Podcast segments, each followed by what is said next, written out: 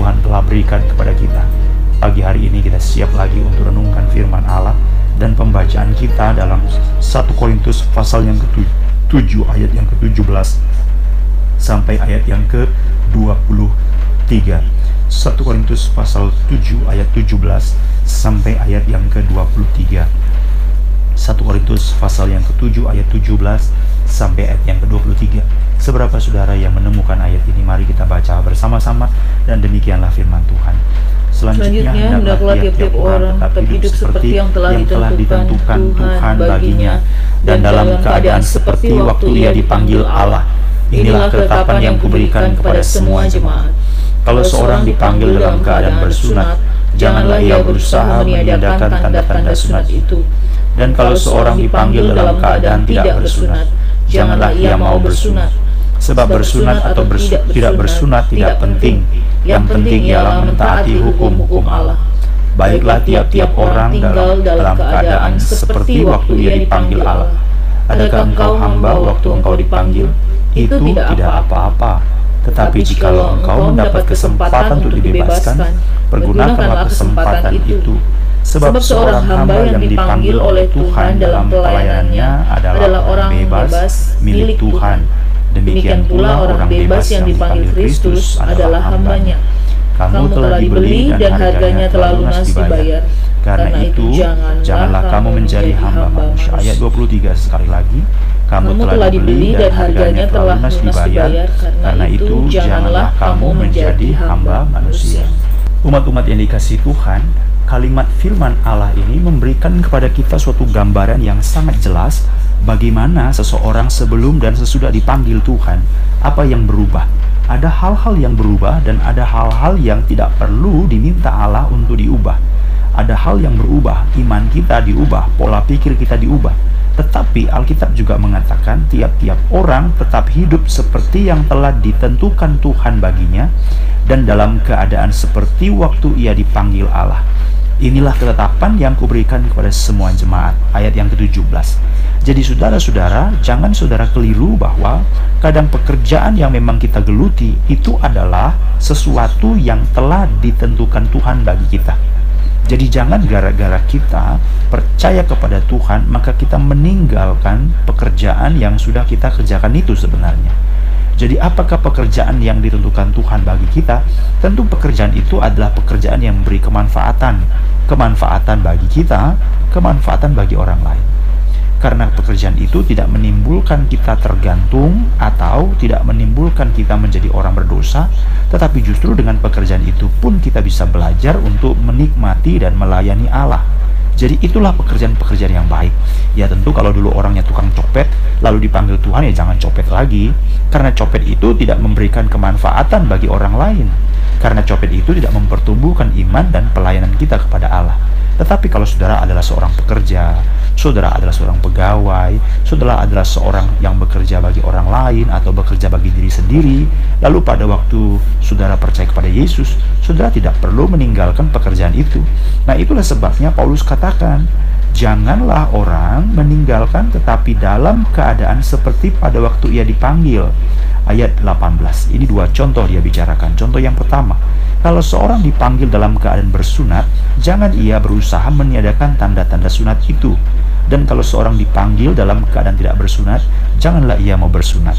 Jadi walaupun ada orang yang memang sebelum dia percaya Yesus, dia sudah menerima pelaksanaan sunat, lalu dia percaya kepada Yesus, jangan dia merasa bersalah. Aduh, aku merasa menyesal, merasa bersalah karena aku sudah disunat kemarin. Harusnya aku tidak perlu menerima sunat karena setelah percaya kepada Yesus, sunat ini tidak terlalu penting atau berpengaruh. Oh, jangan. Jangan kita berusaha meninggalkan tanda-tanda seperti itu. Atau sebaliknya misalnya, kalau kita tidak bersunat, lalu kita percaya kepada Yesus, jangan pula kita menjalankan sunat. Seolah-olah, kenapa kamu sunat? Oh, karena saya sekarang sudah percaya kepada Yesus. Tidak, tidak ada kewajiban atau tuntutan setelah percaya kepada Yesus kita melaksanakan pelaksanaan sunat. Jadi Alkitab mengatakan bagaimana kita sebelum dipanggil, tetapi pada waktu kita dipanggil, biarlah kita tetap tinggal dalam keadaan sebelum itu apabila keadaan yang sebelum itu mendatangkan kemanfaatan bagi kita dan bagi orang lain. Adalah sesuatu mempertumbuhkan kita dan orang lain dalam pengenalan iman dan pengenalan akan Allah untuk melayani dia. Biarlah kita tetap kerjakan itu. Apabila itu bukanlah hal-hal yang mempengaruhi iman kita, janganlah kita melakukan hal-hal yang konyol. Seperti misalnya saudara-saudara, ada orang yang menggunakan tato pada tubuhnya.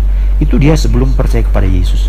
Tetapi setelah dia percaya Yesus, dia menjadi malu, dia menjadi minder. Lalu dia usahakan supaya tatonya itu hilang. Mungkin ada cara-cara yang sedikit berbeda dan agak halus, agak mahal sehingga itu barangkali bisa hilang. Saya juga kurang tahu.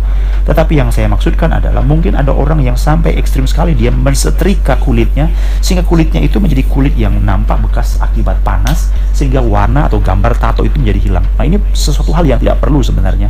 Karena apa? Karena setelah dia percaya kepada Yesus, biarlah dia hidup sebagaimana dia ada. Jadi tidak perlu kita, jangan saudara keliru, bahwa pada waktu dia menghilangkan tanda tato pada kulitnya itu, itu bukan berarti dia tambah berkenan kepada Tuhan. Tidak. Yang ditanggalkan itu dosa. Yang disalibkan itu adalah hawa nafsu dan kedagingan. Bukanlah hal-hal yang lahiriah. Jadi ada dua hal yang dibicarakan. Yang pertama adalah sunat. Yang kedua adalah budak.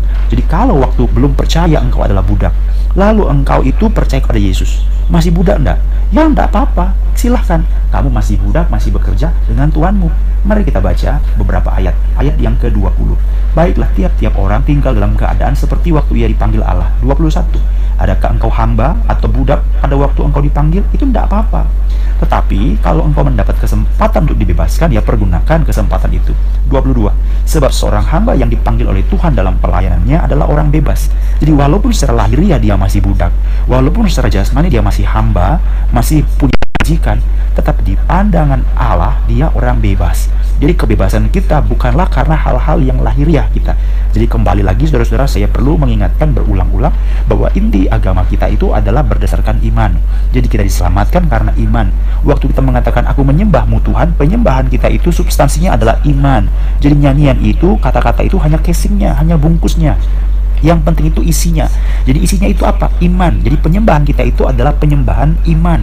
Kalau kita mengatakan aku memujimu Tuhan, pujian kita itu harus iman. Persembahan kita itu harus iman. Jadi bukan karena banyaknya uang atau sedikitnya uang, tetapi iman. Iman itulah yang mendorong sehingga saya memberikan sejumlah uang. Jadi saudara-saudara dikasih Tuhan, semua yang digerakkan oleh iman. Jadi ada orang yang memberi besar, tetapi kalau tidak ada iman itu tidak ada arti.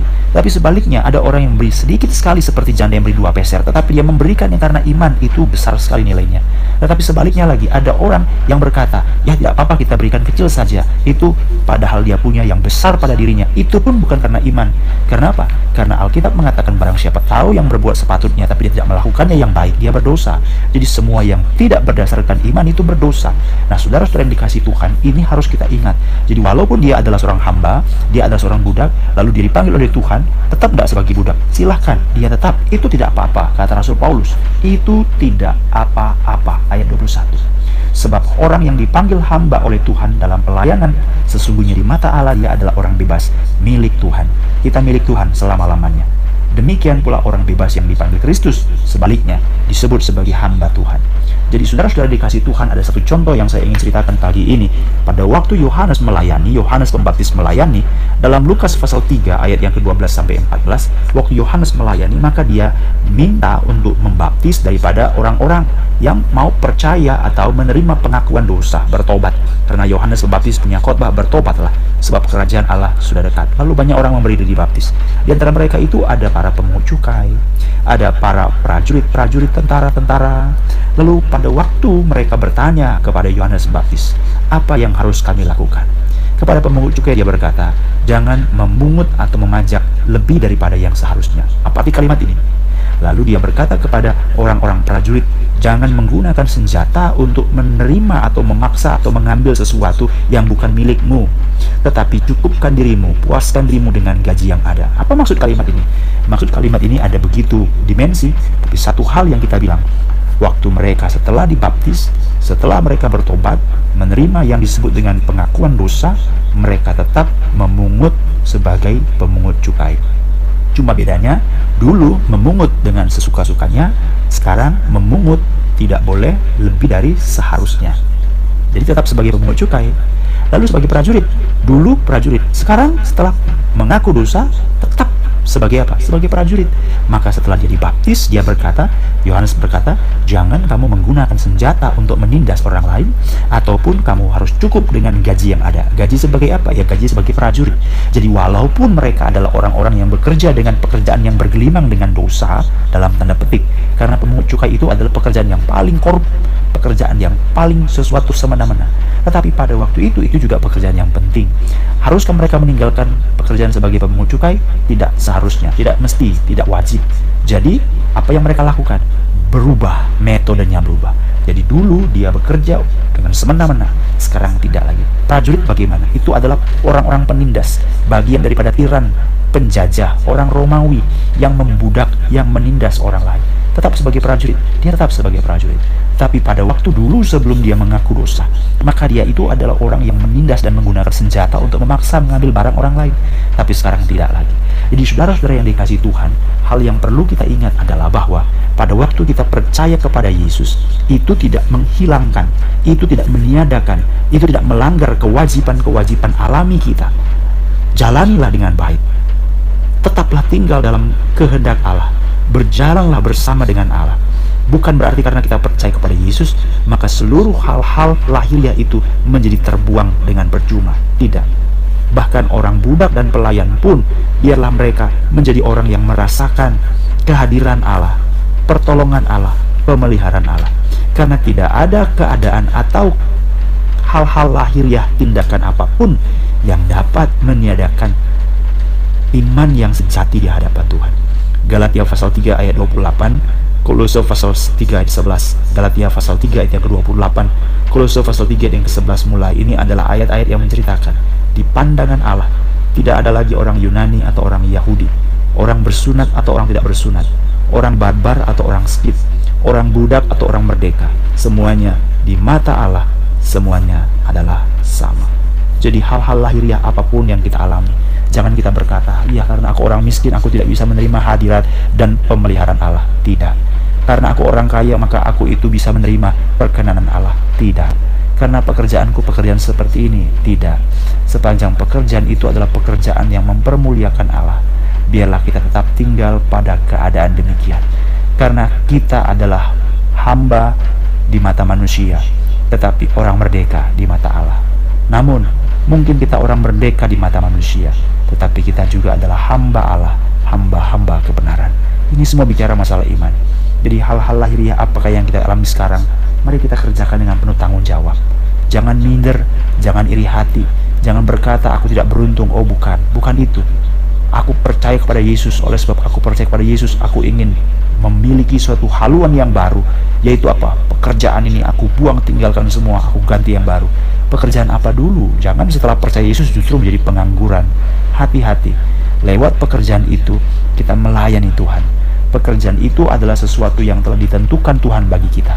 Bukan hanya pekerjaannya, tapi statusnya, tapi keadaannya, tapi situasi kondisi yang ada. Kita dilahirkan di tengah-tengah bagaimana? Mungkin itu juga adalah cara Allah supaya kita mulai terus-menerus dibentuk dengan keadaan yang demikian. Mari kita serahkan dalam tangan Tuhan. Alkitab berkata ayat 23, kamu telah dibeli dan harganya telah lunas dibayar. Karena itu janganlah kamu menjadi hamba manusia, tetapi biarlah kamu menjadi hamba-hamba Allah, hamba-hamba kebenaran. Jadi saudara-saudara dikasih Tuhan, biarlah kita menyerahkan hidup ke dalam tangan Tuhan. Jadi banyak tanggung jawab yang harus kita kerjakan, banyak banyak tugas yang harus kita kerjakan, banyak sekali. Tapi berbeda. Dulu saya kerjakan supaya saya kaya. Dulu saya lakukan supaya saya diakui, dipuji orang. Dulu saya lakukan supaya saya mendapatkan status terpuji. Tapi sekarang saya kerjakan ini bukan karena itu semuanya, tapi karena saya mau mengabdikan diri untuk Tuhan. Seperti tanah liat, Tuhan penjunan. Dibentuk untuk barang yang mewah, aku terima. Dibentuk untuk hal yang sederhana pun, aku terima. Karena apa? Karena aku kerjakan ini semuanya. Bukan aku buang, bukan aku tiadakan, tapi justru aku mau tundukkan semuanya hanya pada